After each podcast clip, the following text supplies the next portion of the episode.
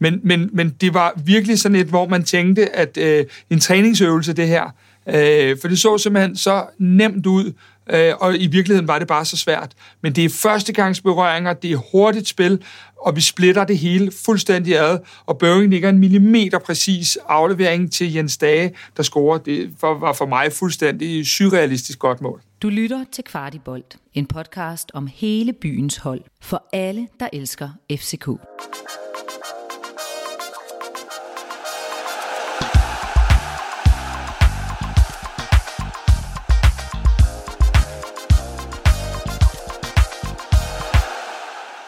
Sikke rollercoaster det har været ved FC København-fanen i det her efterår. Efter mange år uden guld, så skal vi vinde guld i den her sæson, Kasper sæsonen 2021-22, øh, det kræver nærmest et guld. Men vi kom noget snublende ind i Superliga-starten sæsonen med to uafgjorte, og folk begyndte at stå og råbe på Ståle Solbakken inde i parken. Trænerbashingen blev dog ret hurtigt afløst af fremragende fodbold, en stribe af rigtig mange sejre og en nærmest euforisk stemning omkring det at være FC København-fan. Ja, altså lige indtil vi kørte ind i en mur med fuld fart, fyldt med skader, øh, ringe pointhøst og også til tider øh, dårligt øh, spil uden de store målchancer.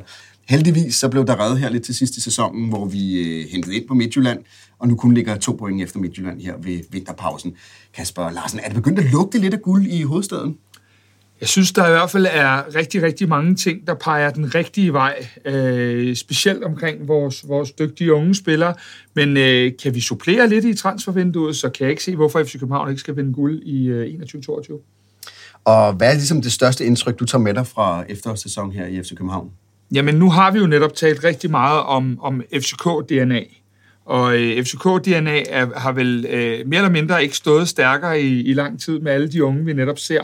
Så, øh, så det med, at, øh, at, at vi ser en masse gamle KB-drenge øh, få debut for FC København, er jo med til at sikre det nye DNA, så det har helt klart været højdepunktet for mig. Og netop de unge og resten af FC København tager vi under kærlig behandling i den her udsendelse. Vi dykker ned i data, vi kigger på analyser, og vi giver dig vores take på FCK's, FCK's præstation i den her sæson. Vi byder på en buket af fremragende FCK-indhold. Vi gennemgår offensiven og defensiven med en tættekamp. Vi kårer efterårets spiller, vi kårer efterårets mål, og vi kårer efterårets overraskelse. Og så kigger vi på FCK's præstationer i Europa. Og dermed velkommen til endnu en udsendelse af Kvart i Bold. Hvis du kigger med på YouTube, det er jo forholdsvis nyt, vi også øh, sender det her på YouTube øh, ja, så husk, hvis du kan lide, hvad du ser, så tryk lige abonner, så du er øh, sikker på aldrig nogensinde at gå klip af indsigtsfuld FCK, FCK-indhold. Og så koster det jo også en del kraft og tid og penge at producere Kvartibold, så hvis du vil hjælpe os, og hvis du vil holde hånden under os, så øh, har du mulighed for at sponsorere os. Et sponsorat koster ikke meget mere end prisen på en kop kaffe. Fra 35 kroner om måneden, så kan du være med i fællesskabet Kvartibold og sikre vores eksistens.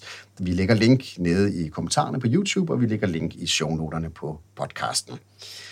Vi har delt den her evaluering af eftersæsonen op i to halvleje. Nu er vi i fuld gang med første halvleg, og til at hjælpe os med at blive klogere på FCK's præstation i netop øh, den her sæson, der har vi to fremragende medlemmer af Kvartibold med. Mikkel Larsen, rigtig hjertelig velkommen til dig. Tak. Har du glædet dig til at kigge på FC København og præstationerne i løbet af efteråret? Det har jeg. Øh, pointerne har lige så stille hobet sig op øh, i løbet af efteråret her, så jeg håber, jeg er klar til at fyre med i dag. Jeg er sikker på, sådan som vi kender dig, at der er rigtig gode analyser, og der er rigtig gode pointer, som vi kan tage med, så vi kan blive en lille smule klogere på, hvad det er, det FCK, vi har set, og selvfølgelig også perspektivet, hvad er det for et FCK, vi kommer til at kigge ind i i foråret. Og øh, med på en linje har vi også vores dataanalytiker Henrik Tustrup. Rigtig hjertelig velkommen til dig, Henrik. Jo, tak. Henrik, du er med på en linje, fordi du har været i, i nærkontakt med nogen, der, der har corona. Har du været ude at blive testet? Ja, jeg har været ude at teste, blive testet her til morgen. Men øh, vi ved jo mm, ikke, om du, øh, om du har corona, så vi øh, har taget den sikkerhedsforanstaltning, at vi har dig med øh, på en linje hjemmefra. Men øh, ja. rigtig hjertelig velkommen til, til dig i hvert fald jo, også. Øh, som dataanalytiker, der øh, plejer du jo at analysere, øh, når du er med i de her programmer, i hvert fald på en enkelt kamp ad gangen. Nu skal vi jo kigge over en helt efterårssæson. Det må være en fornøjelse for dig at have lidt større datagrundlag og trække dine øh, pointer ud fra. Ja, selvfølgelig er det det. Der er helt klart øh, flere mere at, at kigge på øh, ud fra øh, en halv sæson. Helt sikkert. Jamen, øh, vi er jo rigtig spændt på at høre, hvad, hvad, hvad I alle sammen har at sige. Rigtig hjertelig velkommen til. Det her er en evaluering, delt i to dele. Det er altså første del af eftersæsonen 2021. Og Henrik, jeg, lad os prøve at starte lidt med dig, fordi øh, vi har mange emner, som vi skal igennem, men vi starter med at kigge på FCK's præstation i Superligaen. Og ud fra et datamæssigt synspunkt, øh, også en sammenligning med, hvordan det er gået i andre år, hvordan ligger FCK's præstationer så i, i den her efterårssæson? Ja, altså jeg kiggede faktisk på de seneste syv øh, efterårssæsoner.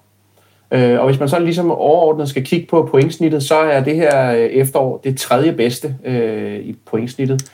Øh, vi har øh, de to sæsoner, som er bedre, det er 15-16 og 16-17 sæsoner. Det er begge to sæsoner, hvor vi bliver øh, Danmarksmester. Så den her sæson med et pointsnit på 1,95 øh, er altså tredje bedst. Øh, vi har også øh, i forhold til scoret mål, der er det også tredje bedst i, i, i forhold til målsnittet. Øh, undskyld, øh, det jo tredje bedst, og i forhold til indkasseret mål er det også øh, den tredje bedste sæson af de seneste syv efterårssæsoner. Så øh, det er ikke helt tosset, og det er heller ikke helt øh, i toppen. Men øh, hvis man vil være mester, så er, er det vel ikke et pointsnit, som er godt nok til at blive mester i en, øh, en normal sæson, er det det? Nej, altså, man kan sige, at øh, nej, det er det selvfølgelig ikke. De skal helst ligge over to. Øh, men øh, nu må vi se, om ikke at øh, foråret kan, øh, kan hæve snittet en del, og så, øh, så ligger vi jo ikke langt fra Midtjylland. Så øh, der skal ikke en særlig stor stigning til, før at vi, vi kan overgå dem. Altså, jeg ved jo i hvert fald, at øh, vores gamle træner, Ståle Solblakken, han plejede at sige, et efterår med cirka 2,0 i snit, inklusiv at man har alle de europæiske kampe, øh, og så skal det snit så forhøjes i, i foråret, så har man et dansk mesterhold. Mikkel Larsen, øh, lad os lige prøve at høre her, fordi det, det er det tredje bedste resultat, vi har haft ja. sådan for, for nylig. Øh, jeg tror på selv ude at sige, at det var et exceptionelt godt øh, efterår. Det, det har han vel ikke ret i? Nej, det, det, den med exceptionel, den, øh, den rammer ikke helt spot on, vil jeg sige. Altså, hvis jeg hurtigt lige skal give et prædikat på, så vil jeg sige, det er, det er godkendt. Øh, og det er særligt med tanke på øh, de skader og de udfordringer, der kom i øh, midt i, i, øh, i halvsæsonen. For vi skal også huske på, at vi faktisk gik ind i den her sæson øh, med et super godt afsæt. Øh, vi havde det bedste øh, snit i, øh, i mesterskabsspillet. Øhm, så på den baggrund er det jo, vil jeg jo hellere være foran Midtjylland, end vi skal sidde og snakke om, at det er super godt at være efter Midtjylland.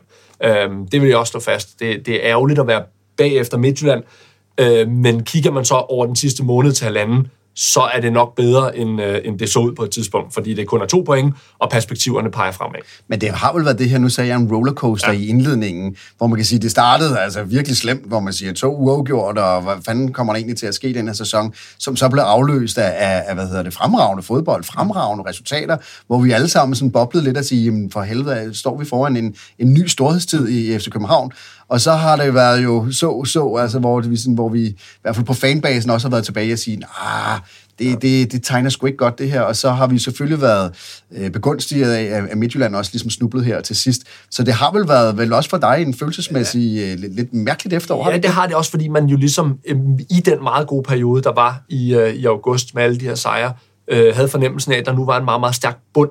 Øh, og det, var, det viste sig jo så at være lidt en illusion øh, da, vi, øh, da vi møder Midtjylland og taber den 1-0. Det er jo, hvad der sker. Altså, det, det var ikke sket mange gange ud af 10, at, øh, at vi, vi taber en kamp, hvor vi er overtal. Men derefter, der ryger vi så ud til, til Nykøbing i pokalen, og der er ligesom, det knækker lidt, og det var jo lige præcis det, man havde håbet på. Vi var ude over ved at få skabt en stærkere bund. Så, så det er meget dækkende, det du siger egentlig, at det har været meget en rollercoaster. Øhm, og lad os håbe så, at det, det, det her efterår har gjort, at der nu er en stærkere bund i holdet, og at, mm. og at perspektiverne ser ud.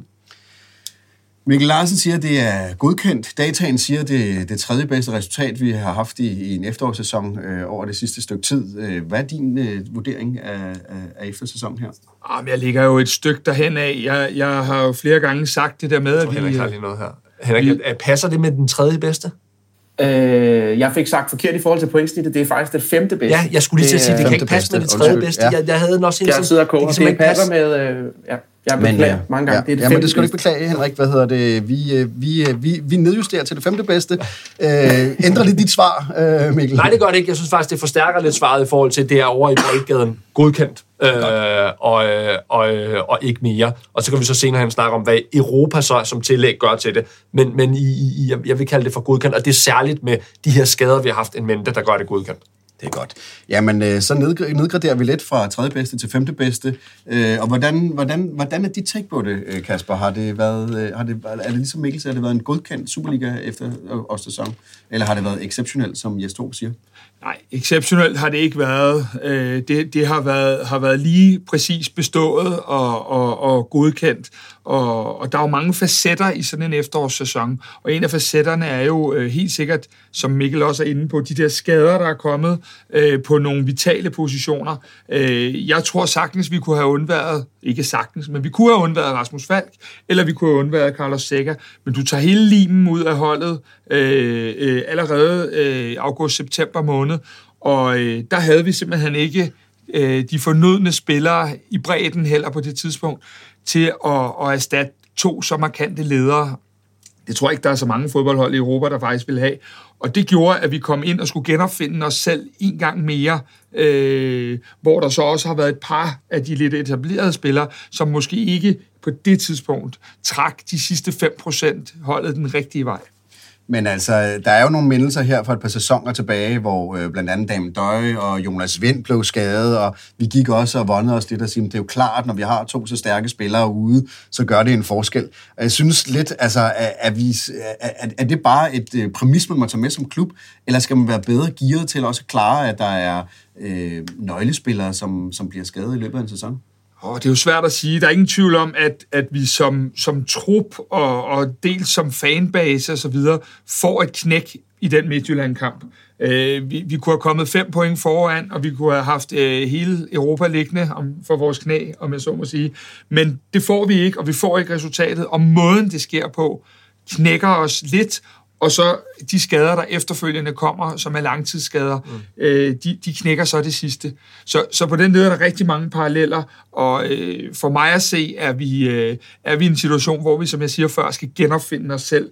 Øh, og så kan du så sige, skulle vi som klub have gjort noget? Det er godt nok svært at, at, at, at have en trup, hvor du har Jens Dage, Lukas Lerager, øh, hvad hedder det, Rasmus Falk og Carlos Sækker, samt nogle unge, heriblandt et rekordindkøb af Isak Johannesson til, til den position, og så se, at vi skulle kunne have gjort mere der. Det, det har jeg lidt svært ved at se. Der er måske så nogen, der ikke lige har taget de skridt på det tidspunkt, som vi havde håbet på. Men øh, Kasper Larsen, vi øh, sad i sommerferien, øh, og så havde vi et interview med Jes Torup ude på, på FCK's træningsanlæg 10'eren, Øh, og der var han jo meget klar, altså sagde, men vi skal jo vinde mesterskabet, vi er FC København, vi har ikke haft det i lang tid. Det, nu får jeg, han sagde jo selv, nu får jeg for første gang et, øh, et helt transfervindue, en helt sommer, hvor, øh, hvor han kan ligesom begynde at indarbejde sine egne idéer, fordi det, det er ærligt, så kom han jo også midt ind i en sæson sidste år, og det er svært at overtage øh, et, en anden mands hold, øh, og det er svært selvfølgelig også at få sine egne idéer ind i holdet i løbet af en sæson. Men vurderet på det, som han sagde i sommer, så har efterårssæsonen vel ikke været helt godkendt. Nej, det har den ikke. Øh, nu skal jeg jo ikke øh, gøre mig, mig klogere end Jes Torup, men jeg tror måske, at, at han også undervurderede lidt, hvor langt vi var nået i processen, fordi da vi taler med ham, der lukker vi jo stadig mere eller mindre to mål ind i, i snit per kamp. Øh, og, og, og den var der jo ikke nogen, da vi går på sommerferie, der havde fået sat en prop i. Øh, så, så, så ret beset øh, tror jeg ikke, at vi var så langt fremme, som, som Jes troede på det tidspunkt. Og det har jo så også vist sig hen i efterårssæsonen, at vi har stadig et stykke vej, Øh, og, og nu havde vi jo selv Peter Christiansen i studiet, der også siger, at der nok går et til to transfervinduer, fordi en del af forklaringen er jo også, at vi har uhyggeligt mange penge ude at svømme, som vi ikke har øh, vi ikke benytter lige nu. Øh, en, en, et, et eksempel, uden at han skal være symbol på det hele, er jo en Andreas Bjelland i Lyngby, mm. hvor vi betaler vel omkring 95 procent af hans løn, men vi får ikke så meget ud af det. Mm. Og sådan har vi jo nogle forskellige spillere, så på den led kan man sige, vi er jo ikke der, hvor vi er økonomisk foran. I, jo, det er vi, men ikke i forhold til de spillere, vi rent faktisk bringer i spil. Og det synes jeg er en faktor, vi i højeste grad også skal have med, når vi hele tiden taler om, at FCK har de fleste penge. Ja tak, men de er bare ikke de spillere, vi, vi benytter altid. Det er jo svært at lave kontrafaktisk historieskrivning. Hvordan havde det set ud, hvis nu ikke... Øh, Mikkel, du snakkede selv om, at man så, at der var kommet en bund i holdet lige pludselig, mm. som så jo ikke var der alligevel. Mm. Den bund der, hvor meget hænger det sammen med, med de skader for nogle centrale spillere, øh, og hvor meget tror du, det hænger sammen med, at det jo stadig er et nyt hold, det er stadig en ny træner, han har kun været der et, et enkelt år. Mm. Øhm, Måske mest det sidste i virkeligheden, ikke? at øh, det er ligesom nogle, nogle spøgelser, der kommer lidt op igen, øh, som har været der over det sidste år, øh, kommer måske lidt hurtigere op igen, øh, når man møder en, en, en stor modgang, som kom i forbindelse med FC Midtjylland-kampen og i forbindelse med, med Nykøbing-kampen. Og så hører det jo også med til den samlede historie, øh, at der har været en, en række, kan du sige, marginaler, og det er, det er i virkeligheden ikke øh, for, at, øh, for at, hvad kan du sige, undskylde øh, FC Københavns præstation, fordi det er faktisk mere for at sige, at i løbet af foråret kommer de marginaler igen til at være afgørende, og når man lukker et mål ind to gange i femte overtidsminut øh, mod henholdsvis Viborg og AGF, øh, de point, dem må man ikke miste. Øh, det bliver også afgørende i, øh, i, i foråret. Og så er det jo det, som vi øh, også har talt om flere gange. Vi er det hold, der har lavet flest mål i Superligaen. Vi er det hold, der har lukket færrest mål ind i Superligaen. Normalt, når du kigger på sådan et målsnit, ja. så ligger du altså nummer et i ligaen ved vinterpausen, når du har det. Mm. Øh, så det, det peger jo også på, det du siger, mm. at der har været nogle ting, som er lidt ud over det sædvanlige i forhold til nogle mistede point her og der. Øhm, og det er ikke en undskyldning det er bare, fordi det er der jo en grund til også, at man bliver ved med at miste point mm. i sidste øjeblik. Det er jo også noget med noget coolness og så videre. Mm. Men det er typisk det, der er sket. Det er mm. typisk, at du er med længder den bedste, både på mål ind og, og indkasseret mål, uden at være, være forrest i tabellen. Henrik, du er jo med på en linje her, så øh, hvad hedder det, jeg kan ikke lige se dig i studiet, fordi jeg, jeg skal lige sige til dig her, at, at du er gået lidt ned på min skærm. Så, så du bryder jo bare ind, når du har noget at sige. Men hvis man kigger statistisk set på, på, på Superliga efter sæsonen, nu var Kasper inde på det her med, øh, vi, øh, der bliver ikke scoret mange mål mod os, og vi scorer mange mål. Er der nogle penge omkring det? Jamen det er, det er, vil jeg sige rigtigt, hvad Kasper siger. Altså det er jo et spørgsmål om hele tiden at score så mange mål som muligt og minimere, at modstanderen scorer mål. Så ved man, at der er, at der er en korrelation med, at man også er dem, der har fået flest point. Det, det giver også sig selv, når man ligesom sådan tænker over det, ikke? Altså, så, øhm, så ja, vi burde øh, have fået nogle flere point i forhold til, øh, at vi er dem, der har scoret flest mål og lukket færrest ind. Og der er vi jo ude i det her spillet med marginalerne. Øh, går de vores vej, går de ikke vores vej? Øh, nu har vi jo haft et par kampe, hvor vi øh, har mistet en, en sejr i, i overtiden, hvor, hvor, hvor det er jo de der marginaler. Ja. Øh, så det er det, det, Mikkel. Er, er det marginalerne, eller er der også noget i holdet, hvor der lige pludselig, når der opstår en usikkerhed? Øh, vi kan jo sige, vi kiggede ind i en Midtjylland-kamp på hjemmebane, ja. hvor alt så fremragende ud, og hvis ja. vi ville vinde over Midtjylland, der havde vi været foran med fem point, og så lige pludselig, så taber vi selvom vi er 11 mod 10, øh, mm. og så går vi til, til, til, til Nykøbing og taber os, og derfra så falder korthuset vel nærmest fra hinanden, for en stund i hvert fald. Ja, og der er i hvert fald noget med, at hvis man skal blive mester, så skal man indimellem stjæle to eller tre point. Øh, det er ligesom en, en forudsætning for at, øh, at blive mester. Man tager nogle af de her i gåsøjne øh, grimme, grimme sejre, og der, der kan man sige, det er i hvert fald et problem, at, at det ligner lidt, at vi har gjort det modsatte i, øh, i efteråret her, at vi har tabt to gange øh, to point, og så kan du da i tillæg sige, at øh, Jonas Vind øh, brændte øh, straffespark i det 89. minut.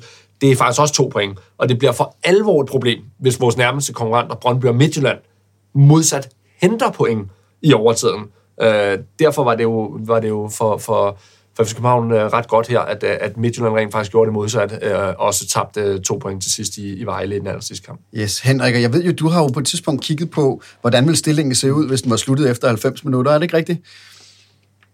Øh, jo, det har jeg. Og øh, man kan sige, at der er ikke nogen forskel. Altså, vi ville have haft øh, et point op til, øh, til Midtjylland, øh, hvis vi havde sluttet kampen efter, eller kampen efter 90 minutter. Øh, Brøndby er et af de hold, der er bedst til at øh, hente point efter 90 minutter. Øh, så de ligger øh, også stadig på tredjepladsen, men noget højere antal point. Men jeg vil egentlig gerne ind på en pointe omkring de to kampe øh, med Viborg og med AGF, hvor vi jo faktisk taber to point efter 90 minutter. Der kan man sige, den ene kamp mod AGF, hvor vi får et øh, straffespark øh, imod FCK, som man kan sige, skal det dømmes, skal det ikke dømmes? Øh, det er jo yderst uheldigt, at det lige bliver dømt. Det straffespark, vi er jo i hvert fald mene. Øh, og så den anden kamp mod Viborg. Altså, vi spiller mod Viborg, og XG og antal, øh, hvad skal man sige, den sandsynlighed, som Viborg har i løbet af kampen for at lave et mål på en dødbold. Det er en, det er en kamp, hvor der bliver lavet rigtig mange dødbolde mod FCK, men sandsynligheden for, at øh, Viborg reelt set scorer på en dødbold i løbet af den kamp, er meget lille. Øhm, og så scorer Jens Dage jo faktisk et selvmål mod Viborg på en dødbold i det 95. minut. Det, det er også lidt noget, der siger, at vi, øh, vi har ikke lige marginalerne i de to situationer. Øh, så det er ikke, fordi det er et dårligt spil. Vi, vi, FCK var dygtige til at forsvare øh, mod Viborgs øh, dødbold. Men, men, men det er en mente.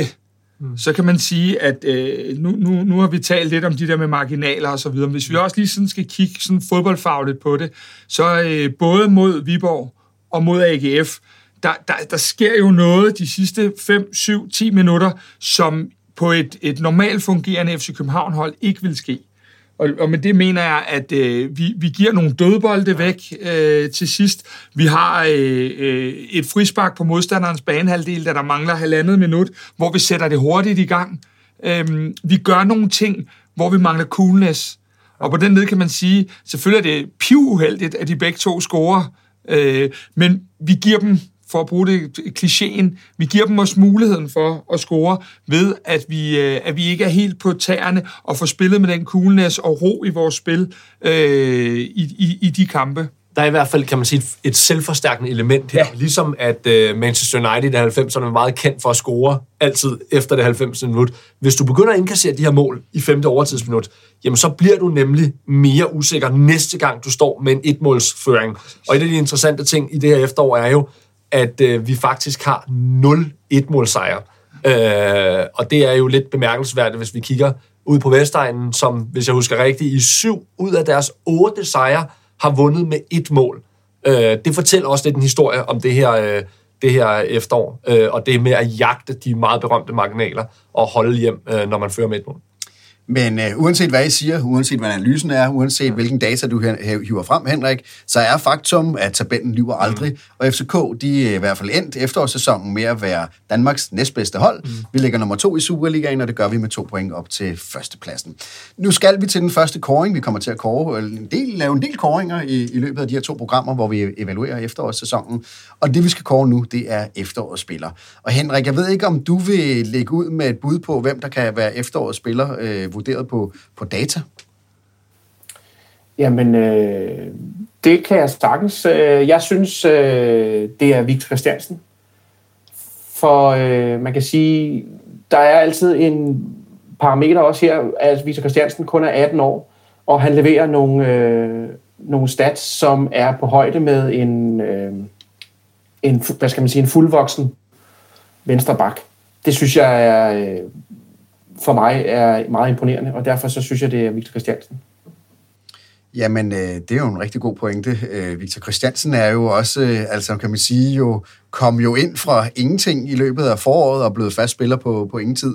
Og lige pludselig så, i hvert fald mange gange også, når vi analyserer kampene, så glemmer vi jo, at han er bare en 18-årig knægt, øh, som lige pludselig jo, vi tager for givet, som om han var en voksen mand, der aldrig lavede andet end at spille dernede på, på venstre bak. Tusind tak, øh, Henrik. Vi rykker over til dig, Mikkel, hvis du skal komme med et bud på en øh, efterårets øh, spiller. Jamen, så er det Jens Dage. Øhm, så jeg er ikke helt enig i det panel, der består af alle trænerne, der vurderer øh, årets, øh, efterårets profil i følge mm. tipsbladet, var jo Pep Biel. Mm. Øh, men øh, jeg kan huske, inden den kom ud, der havde jeg egentlig i tankerne, at det godt kunne gå hen og blive Jens Dage. For jeg synes, at han, er, han har øh, løftet sit spil enormt. Han er blevet bedre på, på bolden. Han er blevet endnu mere målfejl. Han havde jo de her, i starten indtog han pladsen på kanten, hvor han blev mere og mere dominerende og spillede den her meget atypiske kant. Og øh, i takt med, at, øh, at der kom flere og flere skadesproblemer, jamen, så blev han så øh, flyttet ned på den centrale midtbane.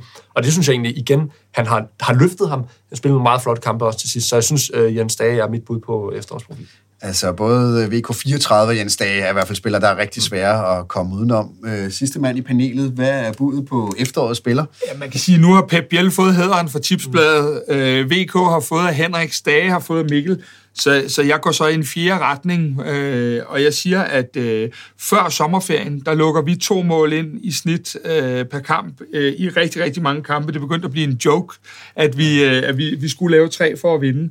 Øh, jeg synes, at vi har fået en øh, georgisk landsholdsspiller, øh, David øh, Rocholava, øh, som virkelig for mig har været en international spiller, på, øh, på, på, på øverste hylde af, hvad FC København kan hente af forsvarsspillere.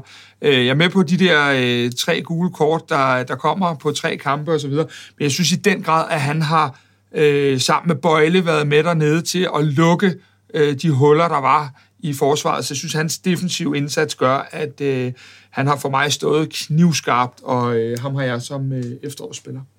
Jamen, øh, tre rigtig gode bud på efterårets spillere. Øh, der er åbenbart ikke nogen enige, eller konsensus. Øh, man kan sige, det er jo tankevækkende i hvert fald, at to øh, af jer skyder på, på forsvarsspillere, og det var måske det var også et af de helt store udfordringer og problemer, vi havde i øh, sidste sæson. Men, men det er jo virkelig også et af paradoxerne ved den her øh, eftersæson, fordi vi kan godt blive enige om, at det, det er aldrig helt godkendt øh, ikke at være nummer et, eller at være efter den, der er nummer et. Og det er vi jo, som du også sagde før, øh, Havgård. Vi er efter FC Midtjylland, så det er maksimum øh, øh, nogenlunde godkendt på grund af skader og så videre.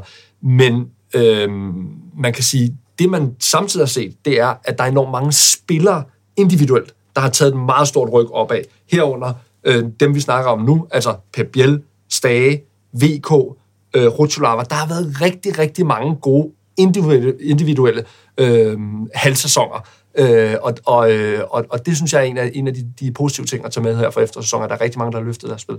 Og det er jo egentlig også interessant, fordi hvis, hvis vi kigger på, at der er mange, der har løftet sig, vi kigger på, på vores målscore, mm. som vi snakker om, så er der jo en masse underliggende parametre, som har fungeret, øh, om ikke exceptionelt, så i mm. hvert fald øh, rigtig fint, og så alligevel så sidder vi jo ikke med fornemmelsen af, at vi bare er braget igennem noget, men at vi har haft nogle udfordringer på en, på en masse ting. Så, så der ligger en masse spændende forklaringer ind imellem alle de ting, vi har snakket om der. Ja, men øh, der er jo ikke nogen enighed her, så vi har jo brug for hjælp fra alle både seere og lyttere til at finde ud af, hvem er efterårets profil set med kvartibold lyttere og seers øjne. I vores Facebook-gruppe, der hedder Kvartibold, der ligger et link både i kommentarerne på YouTube og i shownoterne i podcasten til Facebook-gruppen. Der kommer vi til at lægge en afstemning op, øh, hvor alle kan deltage, og så finder vi ud af, hvem det samlede Kvartibold-community øh, egentlig vurderer er efterårets spiller. Og der kan vi jo også lige se her, hvem kommer de til at hælde til i, i panelet. Nu har vi i hvert fald kvalificeret øh, tre rigtig gode bud, øh, og hvorfor de her bud skal være der. Vi kommer til at have flere koringer, og det kommer vi til at have senere øh, i udsendelsen her, og øh, de koringer kan blive selvfølgelig også lagt op på, på Facebook til en afstemning. Nå, vi har rundet Superligaen, vi har rundet efterårets spillere, nu skal vi kigge på den europæiske indsats. Øh, det var jo sådan, da Ståle blev fyret, og der kom en ny træner, en af de sådan, største bekymringspunkter, der overhovedet var, det var det, det med, ja, ja, der kan godt komme en ny spiller, og måske kan de godt vinde, eller en ny træner, og måske kan vi godt vinde Superligaen. Men Ståles kraftige DNA var jo, at alt handlede om at klare sig godt i Europa, og han havde jo fantastiske stats for, hvordan han tog FCK igennem i Europa. Øh, lad os prøve at kigge lidt på, hvordan det er gået for Jes Torups øh, europæiske kampagne. Og Henrik, vi, vi starter hos dig. Har du nogle øh, spændende indsigter fra dataens verden omkring FCK's indsats i Europa i det her efterår? Jamen, Ja, man kan sige, at vi har jo øh, gået igennem øh, gruppespillet i det her Conference League øh, med kun et nederlag, øh, og så fem sejre, øh, 15 point, og en målscore på 15-5. Øh, så det er jo, øh, i hvert fald i gruppespillet, så er det jo meget, øh, øh, hvad skal man sige, definitivt, at det er os, der ligger nummer et.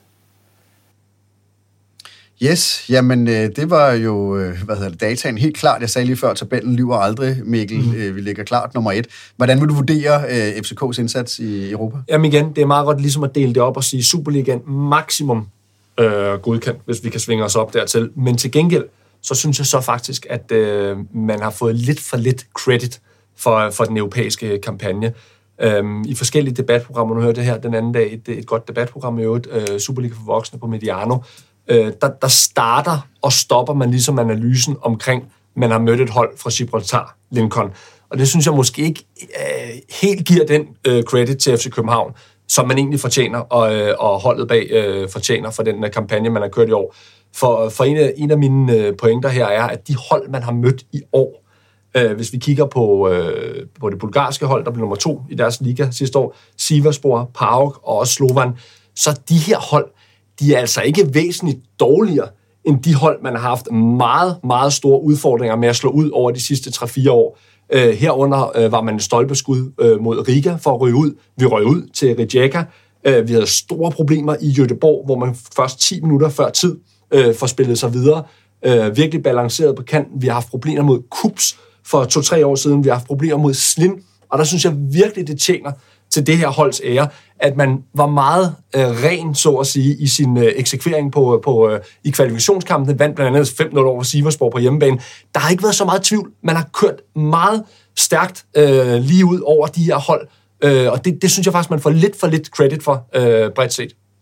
Det er fuldstændig enig i, og så er der en anden detalje, som, som vi to også har, har talt om flere gange, mm. både i telefonen og på stadion mm. og så videre. Det der med, at øh, Ståles øh, hvad hedder det, FC København var jo bygget op om en fantastisk betondefensiv, mm.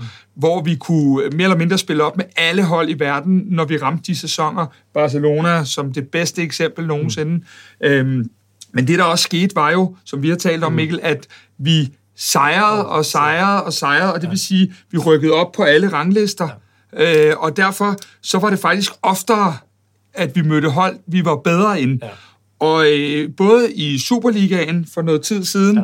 og i Europa, øh, der begyndte jo at være flere og flere kampe, hvor vi egentlig var favoritter, specielt, som ja. du er inde på, i kvalifikationsspillet. Men også i det, som oftest blev Euroleague, ja. havde vi flere kampe, hvor vi faktisk var det bedste hold. Og det vil sige, at øh, den spillestil, hvor vi var mere eller mindre Europas bedste defensiv under mm. øh, Ståle Solbakken, den kunne lige pludselig ikke komme lige så meget til sin ret, når vi eksempelvis skulle dominere et Malmø-hold i parken, ja. eller et uh, Lugano-hold i parken, mm. så blev det enormt svært for os, fordi vi var vant til, at uh, den spillestil, den gik, når vi mødte ja, Barcelona og, ja. og, og nogle af de uh, Porto, Leicester, nogle af de hold, men den havde det svært, når vi mødte de mindre hold, uh, fordi at der skulle vi ud og skabe kampene. Og det vi jo lige pludselig vist, at, at den del, godt nok kun i Conference League, enig, men den del har vi jo lige pludselig fået lagt på vores spil, at vi kan gå ud og dominere øh, modstanderen også, at vi, at, at vi ikke kun behøver at falde til at, at have Europas bedste defensiv. Og det er en pointe, jeg tror, der kan komme os til gode også lidt fremadrettet, at vi måske både kan have den der lave preslinje, som vi har vist nogle gange ved at lægge dem øh, 10 meter længere tilbage, men at vi også kan, kan spille mere moderne offensiv mm. fodbold, hvor at vi måske får det lidt nemmere mod det vi så kan joke lidt med at sige Gibraltar-holdene, som vi alt andet lige skal forbi, inden vi er i de gruppespil. Ja, eller i hvert fald også mellemvaren. Ja, Ikke præcis. så meget Gibraltar, Nej. men mellemvaren. Du kan sige, dem, der er en lille smule over os på yes. ranglisteren, også lidt under. Ja. Det er jo de her hold, vi gerne vil dominere, og ja. hvor vi Øh, førhen, som du også siger, Kasper, øh, med, med Ståle, og kæmpe respekt for alt det, Ståle har bygget op i Europa. Men man kan sige, at det er måske en meget god måde at sige det på, at, at det sejrede sig selv lidt af helvede til mm. at man rykkede op i sidningslaget, og derfor begyndte at møde flere og flere hold, der var i eget lag, øh, og måske endda også under, hvor man jo øh, havde brug for at dominere kampene, og det var en af de ting, jeg egentlig over de sidste par år, fordi noget, jeg synes kom meget til udtryk over de sidste par år, øh, var, var, var, var kritisk over for den spillestil, vi praktiserede i Europa, fordi den var nemlig designet meget til at parere, som jeg kalder det. Yes. Altså at parere mod de her hold, der er meget bedre end en selv. Bedst illustreret ved Manchester United. Og det er meget muligt, at den her spillestil, vi nu praktiserer, den er ikke lige så god til at parere mod Manchester United.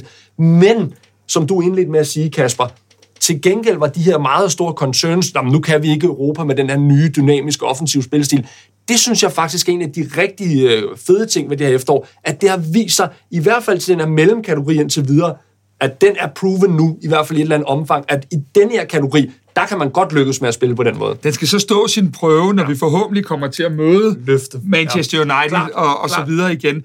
Men, men, men de problemer, vi har set de, de forrige sæsoner omkring at kunne slå de der øh, hold ud, der er mm. dårligere end os selv, mm. øh, dem har vi ligesom fået sat en prop i, og, og, og øh, vader jo igennem hold, som vi jo har, har haft svært ved i Euroleague-kvalifikationen, mm. dem vader vi hen over i Conference League-kvalifikationen. Og som du selv er inde på, så er det jo ikke meget dårligere hold, øh, vi har mødt i, i kvalifikationen til Conference League versus Europa League. Jeg tror i virkeligheden, det har, det har det svære for FC København har det i virkeligheden hele det her øh, renommé omkring Europakampagnen er i virkeligheden blevet devalueret lidt af, man mødte Lincoln. For ja. så har alle bare kunne sige, jamen det er jo hold fra Gibraltar. Præcis. Og det dækker jo ikke helt øh, øh, den her europæiske kampagne. Øh, I virkeligheden har man, har man nok fået lidt for lidt credit for at have lavet en rigtig velgenført øh, øh, kampagne. Og så er det rigtigt, så, så kommer man så til at skulle stå nu, altså det er jo, det er jo nu, det også rigtig skal testes, når man går videre i Conference League og begynder at møde hold, der er over ens eget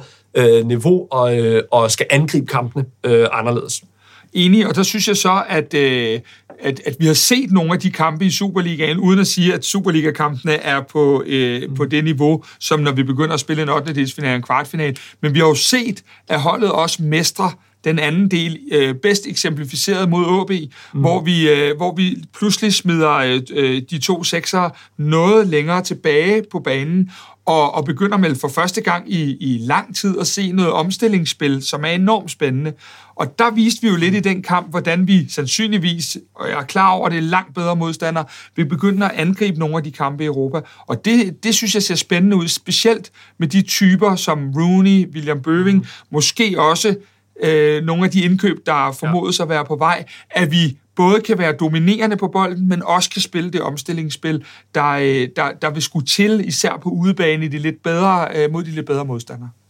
Det, jeg hører sige, det, det er, at det her er meget mere end bestået. Øh, det har faktisk været et rigtig fint mm. europæisk efterår for FC København og for Jes Torup. Ja, det, det, det synes jeg i den grad, og så, så, så skal vi stadig lægge oveni, at, at, at vi har fået prøvet mange ting. Jeg tror ikke, vi skal undervurdere, om det så er Gibraltar eller øh, Slovakiet, eller hvor det er. Alle de unge spillere, der nu er kommet ind og, og fået lov at prøve at spille noget af det her Europa, øh, den, den, øh, kan man sige, den gode ting ved det er jo, at, at, at der har du ligesom haft nogle kampe her, hvor du har haft mulighed for at have 1, 2, 3 og sidst her øh, mod Slovan øh, 5 i startopstillingen, mm. som, som har fået noget ballast, som, som de egentlig ikke burde have på nuværende tidspunkt. Og så er det måske også fair nok at sidde før snakket vi om nogle øh, de her berømte marginaler, som vi ikke var gode nok til ligesom at lukke ned for mod Viborg og, og AF, så kan man også sige, udbanen mod Park, okay, øh, der har vi så i hvert fald de berømte marginaler med os, kan man sige. Øh, så så, så, så den, det held har vi også haft i øh, den her Europakampagne til at, at kunne køre fuldstændig rent igennem. Og så lad os lige prøve at vende det der, jeg har selv været inde på det, statusen, det er en ny europæisk liga, Conference League, mm. øh, der er blevet gjort lidt grin med den. Mm. Øh, men egentlig, Kasper, har det vel været meget godt for FC København, fordi rent koefficientmæssigt øh, scorer man ret godt på, øh, pengemæssigt mm. øh, er det egentlig også ret attraktivt. Ja. Øh, og så er det måske også meget rart for, for Torbjørn at kunne få lov at lege på en, på en legeplads, der måske lige har været lidt det, det dårligere for ligesom at få et positivt afsæt. Nå, men let's face it, Conference League er FCK's niveau af, af no, øh, efteråret 2021. Det er det, vi har spillet os til, og det er den turnering, vi har været med i, fordi det er det, vi har haft niveauet til, som tingene er lige nu. Øh, når det så er sagt, så kan man sige, øh, som jeg lige så det, så havde vi allerede indtjent 55 millioner i Conference League, og der bliver jo lagt øh, yderligere til, når vi nu træder ind i en, i en 8. delsfinale. Vi springer en 16. delsfinale over, fordi vi har vundet gruppen. Øh, koefficientpoengene, mm. der, øh, der har vi jo så haft mulighed for at score øh, nogle voldsomt gode point øh, til, til, til vores øh, rangliste mm. fremadrettet. Så på alle, alle mulige parametre har Conference League jo gjort noget godt for os. Også det, vi snakker om med de unge spillere osv. Så, videre.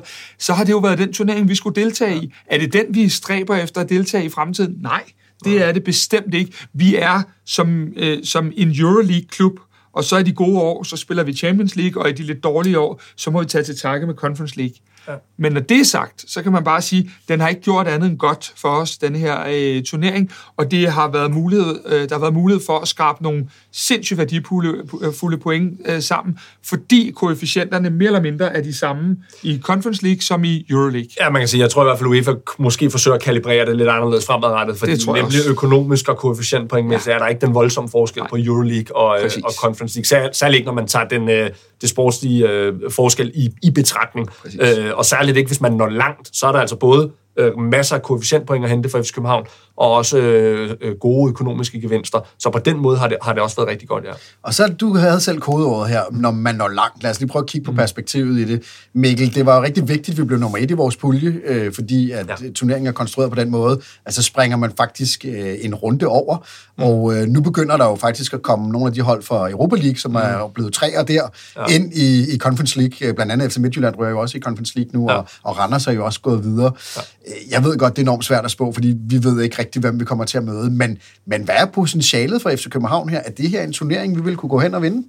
Altså man kan sige helt firkantet sagt, så er der jo øh, fire kampe. Øh, det vil sige, det er dobbeltopgør, ikke? Men fire dobbeltopgør. Altså Villa er det heller ikke. Øh, men, men modstanden bliver så også en helt anden øh, fra 8. delsfinalen og, og frem. Ikke? Og det er nemlig nogle relativt store drenge, du kan, du kan støde ind i. Men ja, der er der fire perspektiver. Øh, nu er kvartfinalen det, det længste, FC København nogensinde er nået i en, øh, i en europæisk turnering, og den har man jo, øh, den har man jo sådan set muligheden for, en god mulighed for, øh, måske den bedste mulighed nogensinde, for at slå øh, i, øh, i, i næste år. Ikke? Øh, øh, det er sagt, så, så kommer der også skarp modstand, ingen tvivl om det. Og Kasper, hvad er dit bud på, øh, hvad, hvad er mulighedernes land her for FC København? Men... Altså, nu, nu, nu skal vi jo det, det, hive endnu en kliché frem og sige, at der er en runde af gangen. Mm. Men, men, øh, men jeg, jeg har da svært ved at se, at, at øh, med lidt, lidt lodtrækningsheld og så videre, at vi i hvert fald ikke som minimum skulle kunne øh, komme op og, og få den kvartfinale, som vi jo så spillede i, i Euroleague mod Manchester United, at vi ikke også kunne, kunne få den i Conference League. Men lige nu er der for mig at se, jeg sad lige og lavede et overblik over det, efter at puljerne var spillet færdige her, øh, der er enormt stor forskel på lodtrækningen. Du kan virkelig komme ind og møde et Conference League-hold, øh, agtigt, men du kan også komme ind og møde et rigtig stærkt Euroleague-hold, øh, og så er der den der øh, øh bonus-ting, du ved ikke altid, hvordan holdene prioriterer turneringen, når det er, den spidser til i foråret derhjemme. Vi ser jo øh, et, et resultat på et tidspunkt, der hedder 6-0 til Bodø Glimt over Roma. Det er jo nok ikke noget, vi sådan umiddelbart vil se 10 ud af 10 gange. Så der er enormt stor forskel på, hvor meget klubberne prioriterer det her øh, i forhold til, øh, fremadrettet, og især hvis man ligger til et eller andet i sin egen turnering derhjemme, hvordan ser man så lige pludselig det at skulle ud og spille en Conference League-kamp? Fordi at man kan sige, for enden af regnbuen venter der jo en sikker Euroleague øh, plads til, til finalevinderen. Og der vil jo være mange af de hold, der når dertil, der kan kvalificere sig til det more or less via deres egen turnering. Så jeg synes, at det her det er en af de sværeste ting at spå om, fordi det netop er så lodtrækningsbaseret. Øh, Men kan vi lige tage, øh, altså har du et overblik over, altså hvad, var, hvad er toppen af poppen, vi kan møde, og, hvad, og hvor langt ned kan vi gå? Roma og ja. Tottenham er der blandt andet, ikke? kunne være mulige. Øh, det, det vi, vi, vi, vi, vi er i hvert fald i det lag, ja, ja. Øh, hvor man kan sige, at, øh, at, at hvis vi kommer meget længere end en 8. delsfinale, er det svært at se os være øh, favorit mm. øh, til, til nogle af, af, af kampene. Men der vil godt kunne være nogle kvartfinaler, hvor at vi er 40-60 eller, eller 50-50. Men øh, det, det er så også det. Hermed runder vi lige, øh, afrunder vi lige øh, hvad hedder det, debatten og diskussionen omkring, hvordan FCK har klaret sig i Europa, og selvfølgelig også ekstremt spændende, hvordan kommer det til at gå i foråret. Vi skal til at kigge på vores defensiv. Det var en af de ting, som vi havde størst udfordringer med i sidste sæson. Øh, jeg tror vel sjældent, at jeg kan huske et FC København-hold, hvor der er gået så mange mål ind. Øh, og Henrik, øh, når vi kigger på defensiven, hvad er det så, du kan sige ud fra, fra, fra de data, du har kigget på øh, omkring performance for, for efteråret 2021?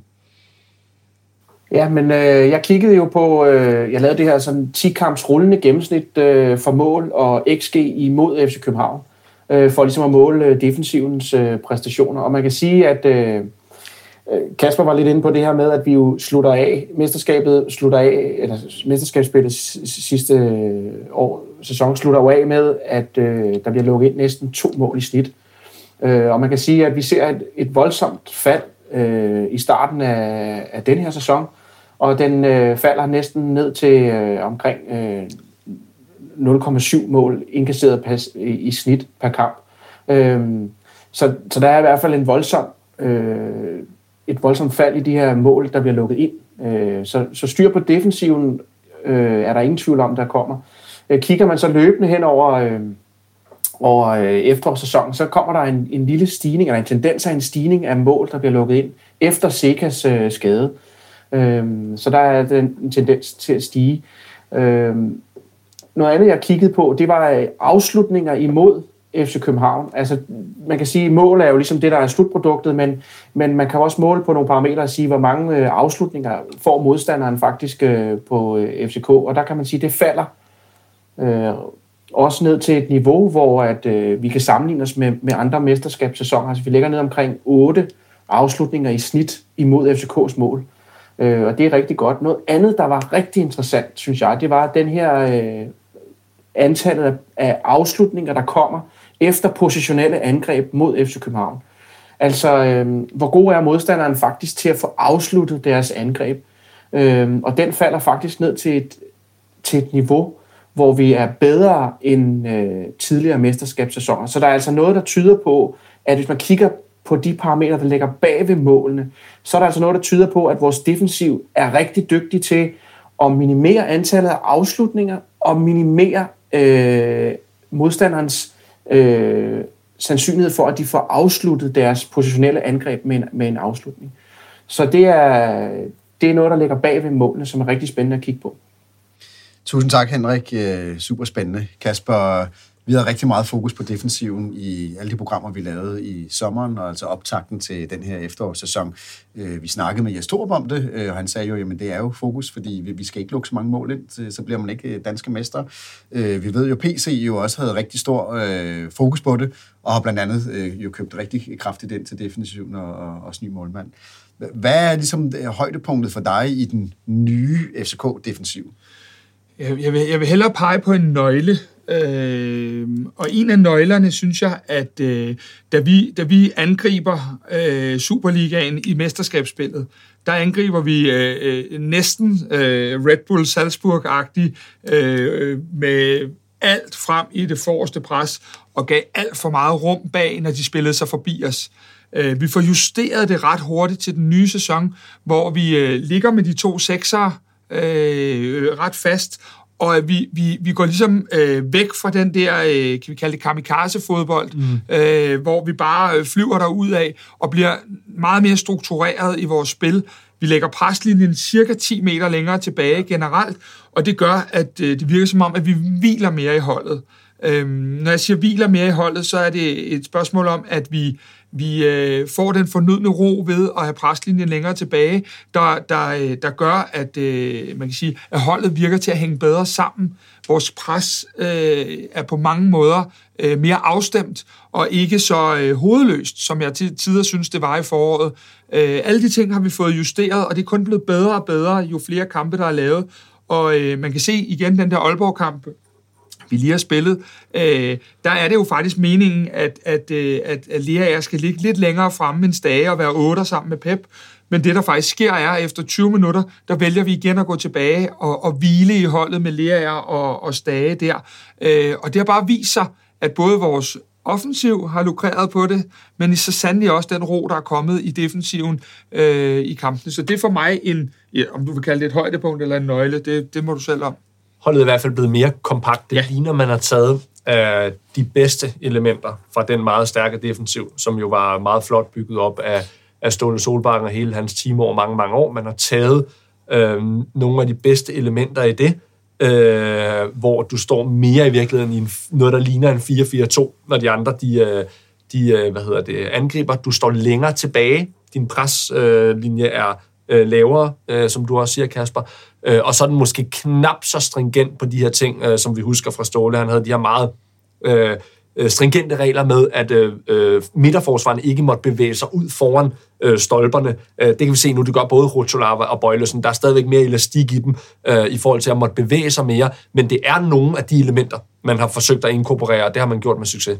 Og det er en, en, en meget, meget tydelig evaluering, tror jeg, af vores øh, forår, der, der har vist, at, at øh, vi har været for nemme at spille imod i foråret øh, fordi at vores preslinje lå alt for langt fremme, og øh, når modstanderen fik spillet sig ud af det, eller fik slået den op på deres øh, egen nier, jamen så, så var der alt for mange huller i osten, og øh, det vil simpelthen være nødt til at reparere på. Og så tror jeg så, at den sidste detalje er, at så er der nogle ting, der måske også er sket lidt af nød, fordi Seca går i stykker, mm. at vi ligesom har valgt at sige, jamen så skal vi i hvert fald sørge for at gardere os, ikke at det er gået ud over det offensive spil i alle kampe. Det var der en periode, det gjorde, hvor vi ikke skabte så meget.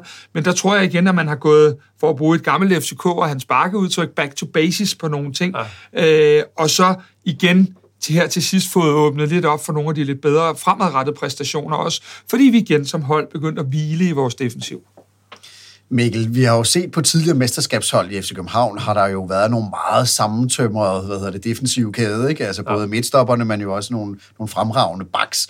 Øh, kigger vi ind i noget her, der kan blive et, ja. et, et sådan ikonisk øh, defensiv for, for FC København med de spillere, vi har nu? Jeg vil sige, at Rutscholav og Bøjlesen har i hvert fald potentialet, og øh, jeg synes også, de har vist, at, øh, at de faktisk også nu på facts, kan du sige, i forhold til færre, eller det, det hold, der har, har indkasseret færre mål i Superligaen, kan, kan supportere det. Øh, og jeg synes også, de supplerer hinanden enormt godt. Du har det her meget store, stærke georgiske midterforsvar, der, der, der spiser alt, og så har du så Bøjlesen, øh, som er rigtig god på bolden. Så du har meget, og så har du så i øvrigt, hvis du siger, Dix meget dynamisk højre bak, øh, Victor Christiansen meget dynamisk venstre bak. Så du har faktisk øh, på mange måder et, øh, et, et forsvar, der øh, er rigtig godt i stil med den måde, man gerne vil, øh, vil, øh, vil spille fodbold. Det jeg så vil sige til det, det er, at man er også en lille smule sårbar i, øh, i midterforsvaret. I forhold til midtbanen, vi har snakket om, hvor lige pludselig Falk og Sækker var ude, der kan man sige, der har vi, øh, jeg ved ikke om vi har heldige, men man kan altså godt have enten Rotolava og Bøjlesen ude over længere tid, hvis en af de to bliver skadet,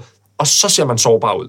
Så, så der kører man måske lidt mere igennem med, med, med, med, med færre graderinger, og, øh, og det, det kan være lidt en game changer, så, så det er også nogle overvejelser i forhold til transfervinduet. Og i forhold til det, du siger der, kan man sige, at øh, det, det, det, det er på mange måder nemmere at erstatte øh, Hocholava, men, men det der med at have flødefoden, mm. der ligger nede og spiller op, det så vi jo også i foråret, når vi ikke har en, en spillende midterforsvar, mm. så er der nogle ting i det spil, og det for at bruge PC's udtryk, det er design, vi ja. gerne vil, vil vise, som har sine svagheder. Fordi så begynder vi også mere at slå de lange bolde. Det, at vi har en, en Nikolaj Bøjlesen, der, der kan spille den op i, i, i, i, i, i længderetningen mm. retningen på, på, øh, på, på banen, det er jo det er en gave, og det er måske mere en gardering for ham, jeg ser, at vi øh, mangler, fordi noget af det, vores spil er lagt an på, er virkelig lagt an på, at vi bliver et, et spillende hold mm. øh, nedefra, i nogle sekvenser i hvert fald. Mm. Og der er det vigtigt, at man har øh, den, der har roen i sin øh, pasningsspil. Hvis jeg skal bare være lidt kritisk også, øh, så vil jeg sige, det har lidt irriteret mig indimellem, at Grabar har en tendens til at sparke den meget ud, og det virker faktisk som om det er aftalt. Så kan man sige, at det er, pragmatiske løs, øh, det er en pragmatisk løsning i forhold til banen, eller i forhold til, at vi havde, der var nogle udfordringer, blandt andet i Silkeborg-kampen, øh, hvor, hvor vi kreerede meget lidt. Men det er en af de ting, jeg synes, vi skal være mere ambitiøse omkring, at, det, at den skal spilles ud nede bagfra. Hvis du kigger på alle store internationale, hvis du ser Champions League tilfældigt øh, onsdag eller tirsdag, jamen der er altså ikke nogen hold, der sparker den op mere. Og det er en af de ting, hvor jeg tænker, der skal lægges yderligere på. Prøv at minimere det der med at sparke den blindt op. Og egentlig, hvis vi kigger på det, du siger der, vi, vi har jo heller ikke øh, den skræddersyde spiller, altså Jonas Vind, øh, er jo en, en, en dygtig øh, fysisk angriber, men han er jo ikke en Darmendøje eller Andreas Cornelius at spille den op på. Så på den led er der heller ikke noget i, i det fodboldfaglige, der peger på, at vi, øh, at vi som redskab skal, skal, skal, skal sparke den op. Men når jeg hører jer tre, så, øh, så min vurdering af jeres vurdering er, at det er godkendt med, med defensiven, og især fra, fra det forår, hvor vi kom ind, hvor, mm. hvor, hvor der virkelig blev lukket mange mål ind. Øhm, man kan sige, hvis skyld er det, at det faktisk er begyndt at gå så godt defensivt. Øh, der er jo selvfølgelig Jes Torup, han står jo for taktikken, han står for ligesom at, at lægge forsvaret, og så kan man sige, så har der jo PC som sportsdirektør, øh, der jo har fået købt ind. Så hvor ligger, øh, hvor meget ligger på de to skuldre, øh, Mikkel? Hvor meget er det, er, er, er det er taktisk, at vi er blevet noget klogere til at spille, og hvor meget er det, at vi fik de spillere, som vi havde brug for til forsvaret? Jeg tror, det kedelige var jo nok, det er lidt et mix. At ah, tingene lige klikker, ja. lidt klikker omkring det her med Rutsanar var meget, meget godt set, øh, at han klikkede godt ind med Bøjlesen. Der er noget selvforstærkende i, at man begynder faktisk at få de her clean sheets, og så, så kommer der flere af dem, og så tror jeg, Øh, og det tror jeg faktisk er det vigtigste element. Så er det det sidste, som jo nok faktisk ikke så meget tog mere, hvad hedder han, Jacob Næstrup. Øh, tag elementer, der har virket rigtig godt øh, under Ståle, øh, og prøve at få det fittet ind i det her FC København. Altså det her med, at vi lige har snakket om mere kompakt, øh, lavere preslinje og så videre. Det tror jeg faktisk har måske været den, den, den største del af det, og så har man haft de rigtige spillere. Ja. Det er samme spørgsmål til dig. ja, fordi nu, nu, nu, nu, nu ved jeg godt. Hvor meget er indkøb, og hvor meget er taktik? Altså, øh, jeg skal jo så forsøge at lade være at lave politikersvaret, øh, så, så jeg siger faktisk, at jeg tror, at PC har en stor øh, andel i det her, for jeg tror, at det nye FC København øh, virkelig gerne ville rigtig, rigtig mange ting, og måske også ville nogle ting for hurtigt i forhold til, hvad vi kunne. Og der tror jeg ligesom, at PC har været, været kommet ind og kunne sidde og se det på sidelinjen og sagt, det her gutter, det er vi ikke klar til endnu. Øh, det, det er alt for tilfældigt, øh, om vi lukker to ind eller ikke gør. Og øh, i og med, at han også selv har en fortid og opdraget herinde, så tror jeg, at, øh, at PC med, med selvfølgelig med, sit, med sin indkøb til, ja, det er vel halvdelen af forsvaret, øh, han har købt ind til, men også via den evaluering, der har været, har, har været inde og sige, godt nok skal vi være ambitiøse, men vi bliver nødt til at tage det her lidt mere skridt for skridt. Og derfor tror jeg, at han har en ret stor andel i det her, også bag linjerne, ikke kun i ved indkøb. Og hvis vi lige her til sidst øh, i vores evaluering af defensiven prøver at kigge lidt fremad, Mikkel, øh, ser du tegningen til, til en defensiv, som kan holde de positive takter og måske blive endnu bedre, øh, når vi kigger ind i et forår? Ja, jeg ser de fire have et, øh, et, et være meget, meget, øh, hvad hedder det, levere et meget, meget højt niveau, og være ryggraden i defensiven, og det er meget stærkt, men jeg ser også en sårbarhed i forhold til, hvis nogen af dem øh, ikke er der i forhold til skader. Og så er der jo et, ham, der står nede bag ved de fire, øh, hvor vi virkelig har øh, tre ret stærke kort, øh, altså Grabara, Jonsson øh, og den svenske målmand, øh, som er hentet United. Der, der, der, er, der står vi også ret godt, men man kan sige, der har også været en lille smule udsving, øh, øh, særligt her til sidst. Øh, men, men man kan sige, at the end of the day, Grabara har altså har leveret rigtig mange clean sheets, og det skal man ikke tage fejl af, at det, det, det falder selvfølgelig også tilbage på ham. Ja, og så, så er der jo et andet element, hvor jeg siger, man kan lægge på. Øh, vi, vi, vi ser en, en, en anfører, Nikolaj Bøjlesen, som har spillet med, med det, der så viser sig nu at være sportsbrok i løbet af et efterår. Øh, og og øh, det, det, man kan sige, er, at os, der kommer meget ud på tieren, har jo set, at øh, han har jo mere eller mindre for, for jer, der er lidt ældre, øh, lavet en Paul McGrath og, og, og nærmest øh, stået op af sengen og spillet kampe. Han har godt nok ikke trænet meget, og der er ingen tvivl om, at alle spillere lider under, når de ikke træner. Så, så en, en Nikolaj Bøjlesen med et endnu større overskud, øh, jeg synes, han har løst rigtig mange opgaver. Jeg synes, det er sindssygt prisværdigt, at man simpelthen offrer sig så meget for sit hold. Men, men jeg er da ikke i tvivl om, at en Nikolaj Bøjlesen, der træner seks ud af ugen syv dage og spiller kampen syvende, øh, naturligvis også vil kunne løfte sig, lige så vel som at Kuchulava nu har været her et halvt år mm. og fået ligaen og, og systemet ind under huden, mm. og vil kunne løfte sig endnu mere. Det samme med Kevin Dix, og så har vi jo så vores VK. Så jeg ser egentlig, at der er muligheder for alle fire forsvarsspillere og målmanden mm. til at, at løfte deres niveau endnu mere øh, på forskellige parametre. Mm. Vi lader defensiven ligge her. Det var vores analyse øh, af, hvordan defensiven står i FC København lige nu, og hvordan den har stået i løbet af efteråret. Lidt senere skal vi kåre efterårets mål. Vi skal kigge øh, på offensiven på samme måde, som vi kigger på defensiven. Men først så skal vi lige kigge på efterårets overraskelse. Vi skal have kåret, hvem er efterårets overraskelse i FC København. Og Henrik, øh, du sidder jo med, med jule sweateren på, øh, på en forbindelse derhjemme og venter på, om, øh, om der covid-testen siger positiv eller negativ. Men øh, hvordan ser, ser du på efterårets overraskelse? Hvem, hvem synes du er kandidat til det?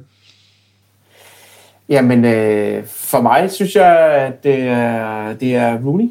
Øhm, at øh, en 16-årig knægt går ind og viser det potentiale pludselig, det er noget, der øh, overrasker mig meget. Det må man sige. Jeg tror ikke, du er alene omkring det. Øh, det, det har i hvert fald været en meget positiv overraskelse. Øh, hvad siger du, Mikkel? Øh, efterårets overraskelse? Jamen, jeg har overraskelse. Overraskelse er lidt i forhold til, hvad havde man troet, da man gik ind? Og jeg mm. havde i hvert fald ikke troet, at William Bowen kom til at spille så meget. Og heller ikke, at han havde øh, taget det skridt op, øh, han har gjort her i de sidste 3-4 kampe. Der synes jeg virkelig, at han har, han har lagt på og taget et skridt op. Og jeg kan ikke lade være med at tænke tilbage på den udsendelse, så jeg tror faktisk, det er lige præcis os fire havde i, øh, i august omkring Victor Fischer. Øh, der havde vi en, en dybere analyse omkring øh, Victor Fischer øh, og hans afsked. Øh, og øh, en af de ting, der var der, var jo, at øh, Bøving rent faktisk var øh, blevet valgt foran Victor Fischer. Det var den, den, den sportslige, sådan rationelle beslutning.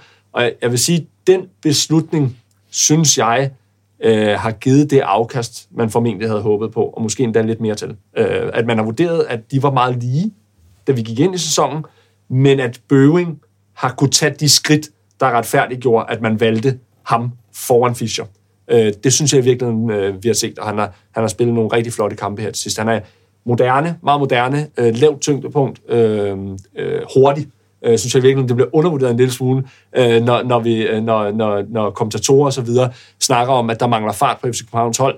Det har der ved Gud også gjort, men jeg synes faktisk lige præcis, Bøgen, det bliver lidt dem, at han er så har nok heller ikke været god nok. Det er det, han har, det er det, han har gjort de sidste 3-4 kampe til at bringe den i spil. Men han er rent faktisk rigtig hurtig, øh, og det synes jeg, øh, han har fået bragt godt i spil. Og så kan man sige, at, at, at når man har fulgt, øh, nu er jeg klar over, at det her det ikke er U19-fodbold, selvom man til tider har kunne blive i tvivl, ja. øh, men når man har fulgt William på U19, så har man jo også set, at han faktisk er en ret klinisk afslutter. Ja. Den del har han ikke fået bragt ind i Superligaen endnu, men der har jo været tegn på det for at scoret i Aalborg, og hvis han begynder nu, hvor han kommer hjem og får tømt hovedet oven på sådan et efterår, og får, øh, hvad hedder det, og får lagt den del på sit spil også, jamen, øh, så er der jo ingen limit på nogen måder øh, i forhold til, til William. Jeg, jeg ved faktisk ikke, om jeg vil sige det der med, at han har brug for en pause. Jeg synes faktisk, det er lidt, han har så meget en opadgående ja. kurve, at jeg faktisk ikke vil give ham en pause. Hvis du så øh, den kamp i går, vi spiller mod Slovan, der, der fortsætter han jo bare, han er vel nærmest vores, øh, vores bedste spiller. Han, han kører bare på lige nu,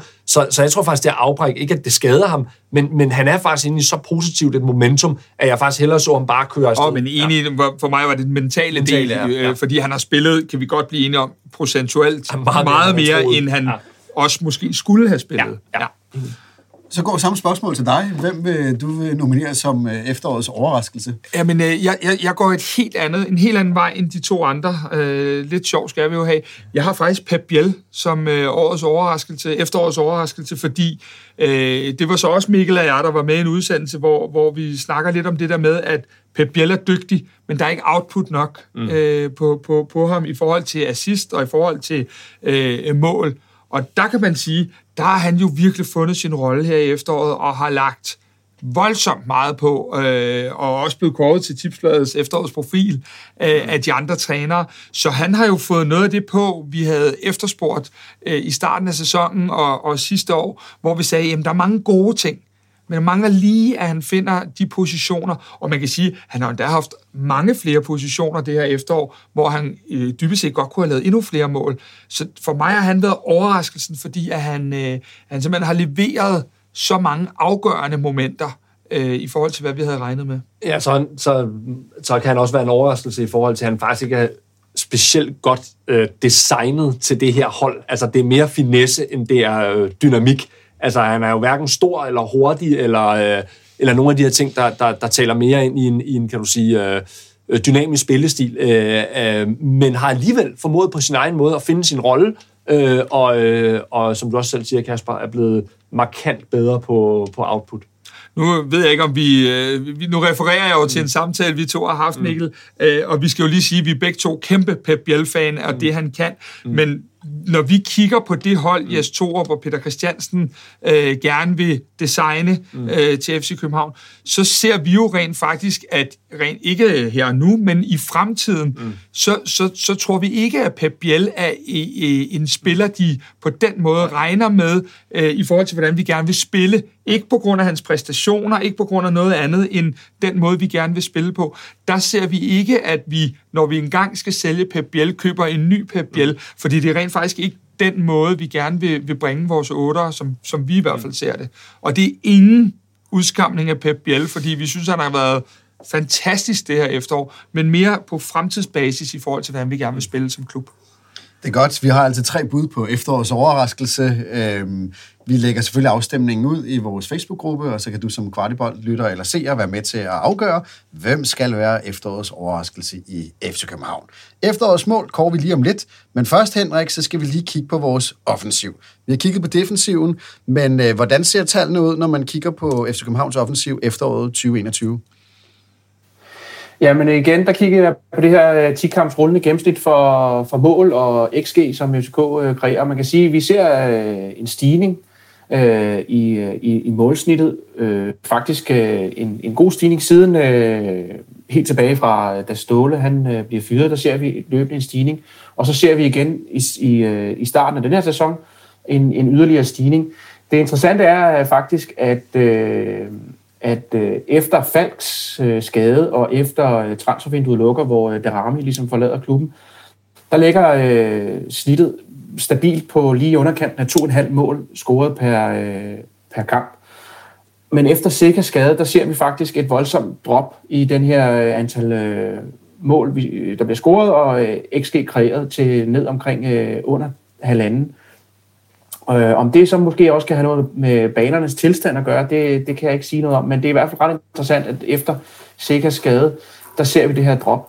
Øh, kigger vi på, øh, på, øh, på effektiviteten af de positionelle angreb, altså hvor gode vi er, gode vi er til at, at, at, at omsætte et angreb til en afslutning, jamen så ligger vi øh, faktisk helt op i noget af det højeste, som FCK har præsteret. Øh, næsten 30 procent af alle de positionelle angreb, de bliver til en afslutning. Den falder også voldsomt hen efter øh, Sekas, øh, Sekas skade. Øh, det sidste, som jeg lige vil bringe på, det var øh, hastigheden af spillet.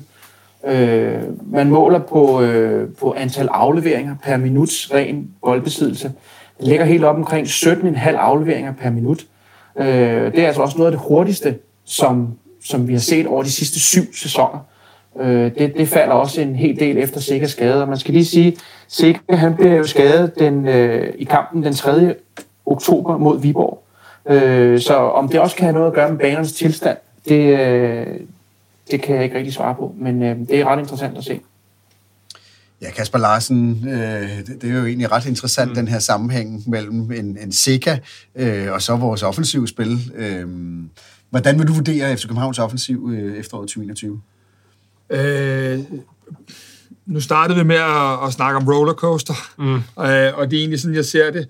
Øh, I august måned, øh, frit for leveren, kan jeg ikke de sidste nu siger Henrik syv sæsoner, så lad os gå med den. Syv sæsoner mindes, at jeg har set en mere potent offensiv og et øh, mere spændende, spillende FC København-hold. Øh, det var vanvittigt, øh, og det var berusende i en grad, som vi ikke har set i parken i, i lang tid. Øh, noget af det, vi kunne i den periode, det var, at vi havde en, en, øh, en, en Darami, som jo virkelig fik kridt på, på under støvlerne, fordi at han lå så bredt. Så havde vi en Jes Dage, der kom med så meget power og dynamik i den anden side. Og på den måde, så var der bare så meget mellemrum til Rasmus Falk, til Pep Biel, til Jonas Vind, øh, der gjorde, at vi bare var så uforudsigelige at, at, at, at spille øh, imod. Og det gjorde, at modstanderen kunne ikke dæmme op for os, fordi så var det der, så var det der. Så kommer der en periode, hvor vi øh, går ret meget i stå, øh, bedst eksemplificeret ved Silkeborg-kampen ude, hvor vi jo har 0 skud på mål, og det var 0 skud på mål i en hel kamp, og hvor vi har en periode, hvor vi nærmest ikke kreerer noget. Så synes jeg, at Torp og trænerteamet går lidt tilbage, godt nok med nogle andre spillere, fordi der Rami var der ikke mere, Falk var der ikke mere osv., men går lidt tilbage til det der med at finde en venstrekant, øh, der, der, der, går, der går bredt, og så en, en, en dynamisk højrekant, og så får vi så mellemrumspillerne ind og løber lege mere. Og den sidste afgørende del af sæsonen her, de sidste tre, fire kampe eller noget, der finder vi lidt tilbage med et andet persongalleri, men, men til den stil, og det er altså bare der, hvor vi lykkedes bedst. Så jeg vil sige, i bedste fald har det været en, en altså det er jo svært at sige, når vi er den mest scorende hold i rækken, men det har været en bumlende øh, efterårssæson rent offensivt. Det har været helt fra himmel til, til helvede, øh, med Sivasborg i den ene ende ja. og Silkeborg i den anden ende. Ja, og jeg tror virkelig, det, som man har set i de sidste par kampe, øh, særligt også i Aalborg, men også med AGF, øh, det var ved, øh, da Rooney kom ind, ikke at man skal øh, kan du sige, skrige hans effekt på holdet alt for meget op, men det gav bare lige den dimension af, at der var noget uforudsigelighed. Øh, og jeg tror virkelig, at det man så i starten var både Darami og Stage, at den der øh, ro øh, fysik og øh, uortodoxe Jens Stage, der kunne bevæge sig rundt og score mange mål, Daramis, finesse osv. var bare et super godt mix, hvor øh, i mange kampe til sidst havde du, havde du øh, Bøven øh, på den ene, og så havde du sådan lidt blandet på, på højre, indimellem også Dix, men hvor det var svært simpelthen, hvad, hvad er det, hvad er det, hvad er det, der er op og ned her? Og der, der tror jeg virkelig, at man fandt lidt tilbage til sidst med Rooney uforudsigelighed, når du havde Bøving, der faktisk også tog et skridt op, og det, det pegede helt klart i den rigtige retning. Men, men der har virkelig været nogle kampe undervejs, også Brøndby ude, hvor øh, der har været meget lidt med at skyde med. Øh, det har ikke været imponerende offensivt, så det har også, øh, altså i de kampe, så det har også svinget meget fra meget højt til meget lavt. Og det er også der, vi så ser begrænsningerne fra, fra Jonas Vind mm. og fra, fra Pep Biel i nogle af de kampe, fordi ja. pladsen simpelthen ikke har været der, fordi vi har ikke skabt pladsen til dem. Og, og, og, og på den måde har det blevet lidt mere tilfældigt, når vi har skabt chancer.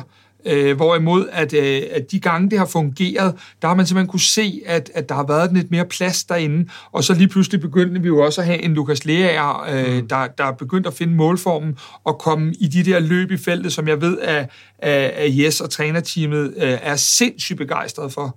Øh, ja, så i virkeligheden havde du jo også to investeringer, som skulle have hjulpet med at bidrage med noget offensivt. Det er Singh, og det er Isak Johannesson. Og, og skal vi være lidt øh, færre her, øh, ikke at vi er for år, men, men det er der ikke nogen af dem, der har gjort. Nej. Øh, det er der ikke. Øh, øh, Isak Johannesson, du kan sige, man kan vende lidt på, på, på to måder. Man kan virkelig sige, at det er en kado til FC Københavns Akademi, at jeg har haft svært ved at se, at Isak øh, er en spiller, man ikke selv havde kunne producere for akademiet. Øh, og man kan vente når man være lidt kritisk i forhold til, at han har slet ikke ramt det niveau, som man formentlig havde håbet, selvom han er meget ung stadigvæk. Øhm, så det er virkelig en kado til FC Københavns Akademi, at man producerer så, så, så gode spillere nu, at man egentlig, jeg har svært ved at se forskellen, hvorfor han kunne lige så godt være kommet, kommet vores øh, eget øh, akademi i forhold til, hvor mange penge han har kostet, men, men de her to spillere har jo ikke bidraget med noget offensivt overhovedet i løbet af, af efteråret. Men akademiet og de unge spillere mm. er jo en sindssygt spændende historie øh, at fortælle, hvis man skal fortælle historien om FCK øh, mm. efteråret øh, 2021. Og den vender vi tilbage til mm. i anden del, så hvis du ser eller lytter til det her, øh, så vil jeg selvfølgelig opfordre til at øh, også finde i, i dit feed øh, den anden del, øh, når den er blevet lagt ud, for at lige høre den pointe. Men Kasper, jeg er lidt nysgerrig, fordi du sagde selv, fra himmel til helvede. Vi har set noget af det mest berusende angrebsspil, og vi har set noget af det mest tramme angrebsspil, øh, som jeg kan huske. Øh, som du selv sagde, du ved, der var kampe, hvor der var nul skud øh, på mål. Og jeg er sådan meget, hvordan kan det sammenhold øh, øh, spille så øh, fremragende og spille så tamt offensivt. Og det er jo det der med, at det øh, spillerne, øh, der mangler, det er jo klart, at det, når du mangler en Darame, når du mangler en Falk, så sker der et eller andet.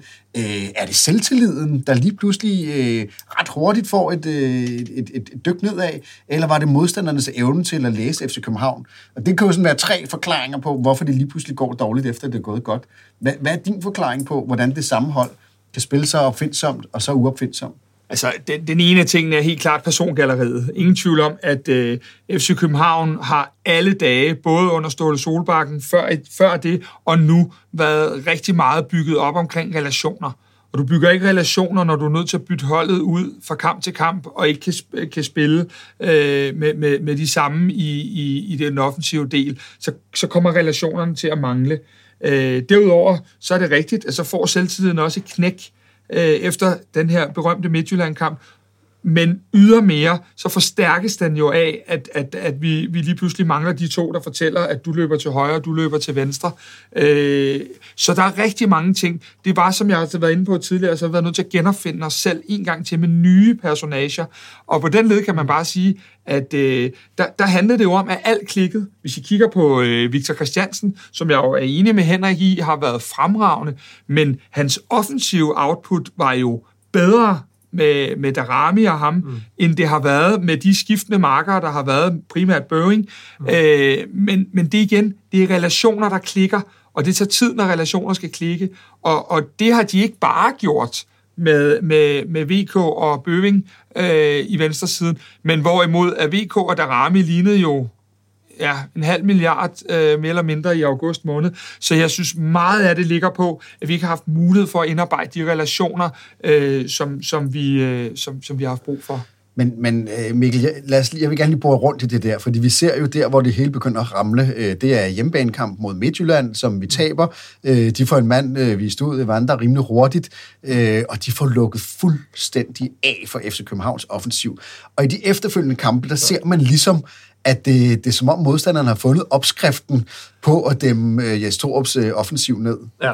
Var FCK blevet læst på et tidspunkt? En lille smule. Jeg tror jeg virkelig også, det er lidt det her med dominoeffekten, at hvis du bare har en, en, en uforudsigelighed, der kommer ind på højre kanten, jamen så giver det også mere plads på venstre kanten. Og det her med, det kan ligesom, der er sådan en, øh, en hvad hedder sådan noget, hvad hedder det, synergieffekt, ikke?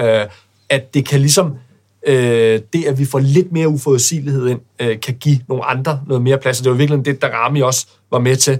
Øh, så måske er det ikke så meget mere, der skal til. Når det så er sagt, så var der også nogen, der performede øh, øh, under niveau. Herunder øh, Jonas Vind havde en, øh, har haft øh, nogle lidt halsløje perioder i løbet af efteråret. Øh, øh, jeg går ikke så meget op i det her med, at han ikke har scoret øh, de mange mål, som nogen mener, han bør score, når han angriber det er virkelig mere hans spil, synes jeg, indimellem. At han havde nogle ukarakteristiske øh, hvad hedder det, fejlafleveringer, og hvor han ikke var lige så stærk omkring bolden, som han plejer. Og det har også været med til at give et, et sværere øh, offensivt udtryk. Jeg tror, vi øh, lægger offensiven i graven her, eller i hvert fald analysen af offensiven, øh, og så kigger vi frem mod, øh, vi skal kåre efterårets mål. Og Henrik, øh, hvad er dit bud på øh, efterårets mål i FC København Regi? Ja, hvad er mit bud på? Der er simpelthen øh, rigtig mange gode mål, der er blevet scoret, synes jeg. Øh, et af de bedste mål, som øh, nu sad jeg lige og tænkte på, øh, åh, nu har jeg simpelthen helt glemt den. Jamen, ved du hvad? Vi, la- vi, vi, vi lægger lige dig ned øh, to sekunder, Henrik, så kan du lige tænke dig over, og så hopper vi øh, til Mikkel. Hvad er dit bud på det bedste mål, FCK har scoret i efteråret? Ja, det er jo en lidt trist kamp. Det er den kamp, øh, som øh, man taber i Brøndby. Det er Jonas Vinds mål. Uh, det er virkelig et klassemål. Og, øh, det kan du lige prøve at tage os med? Ja, ja nu kan jeg ved jeg godt, at det er på lyd, det her. her. Han ikke? får Men, i en øh, svær position, og så laver han i virkeligheden en kropsfinte og en dribling, hvor han så får tørret øh, en Brøndby-forsvar fuldstændig. Men hele øh, sekvensen er jo bare et langt bevis for den klasse, Jonas Vind har. Øh, og, og den der måde, han i, øh, i, øh, i svære situationer har balance og fysik på en og samme tid. Øh, og målnæse, øh, sikkert sparket ind også. Det var en, det var en meget, meget høj klasse øh, aktionen, den, og det synes jeg faktisk er årets, øh, eller hvad er det, efterårsmål for FC ja. Og Kasper, øh, du får også bud her. Ja, øh, nu kan jeg jo ikke lige genspille den fuldstændig, men mit det er op for farven. Øh, jeg har kaldt det Playstation-målet, fordi at det virkelig ligner et FIFA-mål. Øh, hvad hedder det? Vi har øh, Kevin Dix, mm. der, øh, der fører bolden frem, spiller Lukas Leaer, øh, Vind er involveret, øh, Stage er involveret, ryger ud til Børing, der spiller den tilbage til Stage. Det er så mange førstegangssekvenser, øh, hvor den ender så hos Jens Stage, der, der øh, sparker den i kassen. Men, men, men det var virkelig sådan et, hvor man tænkte, at øh, en træningsøvelse det her, øh, for det så simpelthen så nemt ud, øh, og i virkeligheden var det bare så svært. Men det er førstegangsberøringer, det er hurtigt spil, og vi splitter det hele fuldstændig ad, og Børing ligger en millimeter præcis aflevering til Jens Dage, der scorer. Det var for mig fuldstændig surrealistisk godt mål. Yes, og Henrik, øh, nu har du fået lov lige at grænske din, din hjerne. Hvad, hvor, hvor, du, hvor ender du henne med, på bud på Jamen, jeg, jeg, jeg, jeg øh, blev til at indrømme, at jeg gik først op for mig, at det var jo det Nordsjælland-mål, som øh, jeg har siddet og tænkt på øh, hele morgen, øh, som Kasper han beskriver nu. Det er faktisk øh, lige præcis det, som, øh, som var for mig var også var, øh, var, var efterårets mål. Øh, og jeg synes også, at øh, der er flere af de mål, jeg synes, vi har set flere af de mål, øh, af den type mål, end, end, jeg, end jeg kan huske tidligere. Øh, og det er for mig nogle af de bedste mål, der bliver scoret. Det er, når, når, når øh, som Kasper siger, det bare simpelthen ligner en træningsøvelse, at man bare øh, formår at, at splitte modstanderen fuldstændig ad. Tusind tak. Og hermed så slutter vi så første halvleg af vores evaluering af efterårssæsonen. I anden halvleg, eller i anden del, som udkommer mandag den 13. december, der kan du høre vores analyse, blandt andet af de mange lovende FCK-talenter, der fik lov til at folde vingerne ud i efteråret. Og Kasper Larsen, hold nu op et akademi, FC København har fået.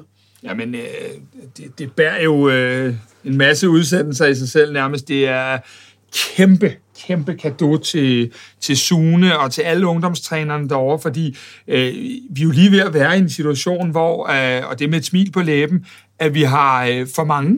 Øh, der er simpelthen for mange dygtige spillere, øh, more or less. Vi, vi sprøjter dem ud i øjeblikket, øh, og det, der så er den store fare, det er, at vi ikke bliver... Øh, øh, at vi ikke kommer i øjebliksbilleder øh, som en, en Slovan-kamp, hvor vi jo alle sammen er beruset af alle de unger, øh, unge, øh, fordi vi er, øh, ja, det, det, var faktisk ikke, det var faktisk ikke helt skævt. De er jo unge, nogle af dem faktisk, unger, kan man ja, godt sige her. Ja, det var en sen kamp for dem at komme i seng på.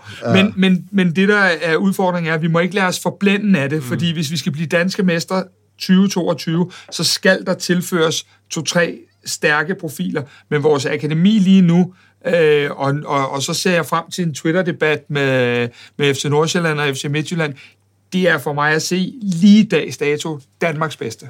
Og i anden del øh, kommer vi også til at ud over og, og kigge på alle de her lovende unge spillere til at, at kåre efterårets komet. Vi kommer til at se lidt på økonomien i FC København. Vi kommer til at kigge lidt på transfers og mulige transfers, oprydning i truppen, og selvfølgelig perspektivet for forårssæsonen. Hvor ligger vi henne på et eventuelt guldbarometer? Det er alt sammen i anden del af Kvartibolds evaluering af efteråret 2021. Øh, den udkommer mandag den øh, 13. December, så hvis du ser eller hører det her efter den 13. december, så ligger den allerede i dit feed. Hop direkte over, det bliver spændingsmættet, bliver rigtig godt. Hvis du ser eller hører før den 13. december, øh, så må du holde ud, så øh, går der øh, lidt tid før, at den ligger i dit, dit feed. Tusind tak, fordi I alle sammen var med til lige at runde det her af. Vi vender selvfølgelig tilbage i anden del med, med langt mere analyse af efterårssæsonen. Og her lige på faldrebet vil jeg sige, Kasper Larsen, du sidder jo i en kvartiboldtrøje. Øh, det det ja. klæder dig altså rigtig godt. Ja. Øhm, hvis du også går og drømmer om at se lige så øh, velklædt ud som Kasper Larsen, så har vi jo lavet en merchandise øh, hvad hedder det, shop, og den ligger på kvartibold.dk. Der ligger et link i shownoterne, og der ligger et link i kommentarerne nede under YouTube-filmen. Der kan man gå ind og se, og der ligger... Øh, børnetøj, der ligger øh, kvindtøj, og der ligger hertøj øh, med forskellige budskaber øh, omkring FC København. Tusind tak for denne gang.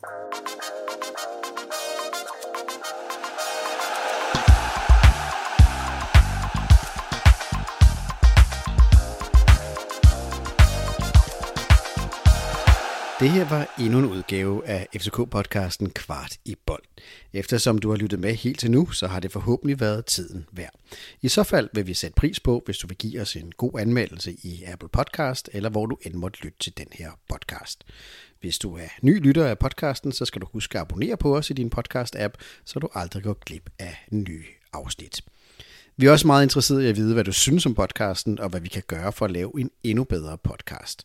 Der ligger et link i shownoterne til et spørgeskema. Det tager kun et par minutter at udfylde, og det betyder alverden for os. Der ligger også et link til vores Facebook-gruppe, hvor vi forsøger at skabe en nuanceret og værdifuld debat om FCK. Og så er der også et link til vores nyhedsbrev, hvor vi samler op på interessante historier og perspektiver om FCK.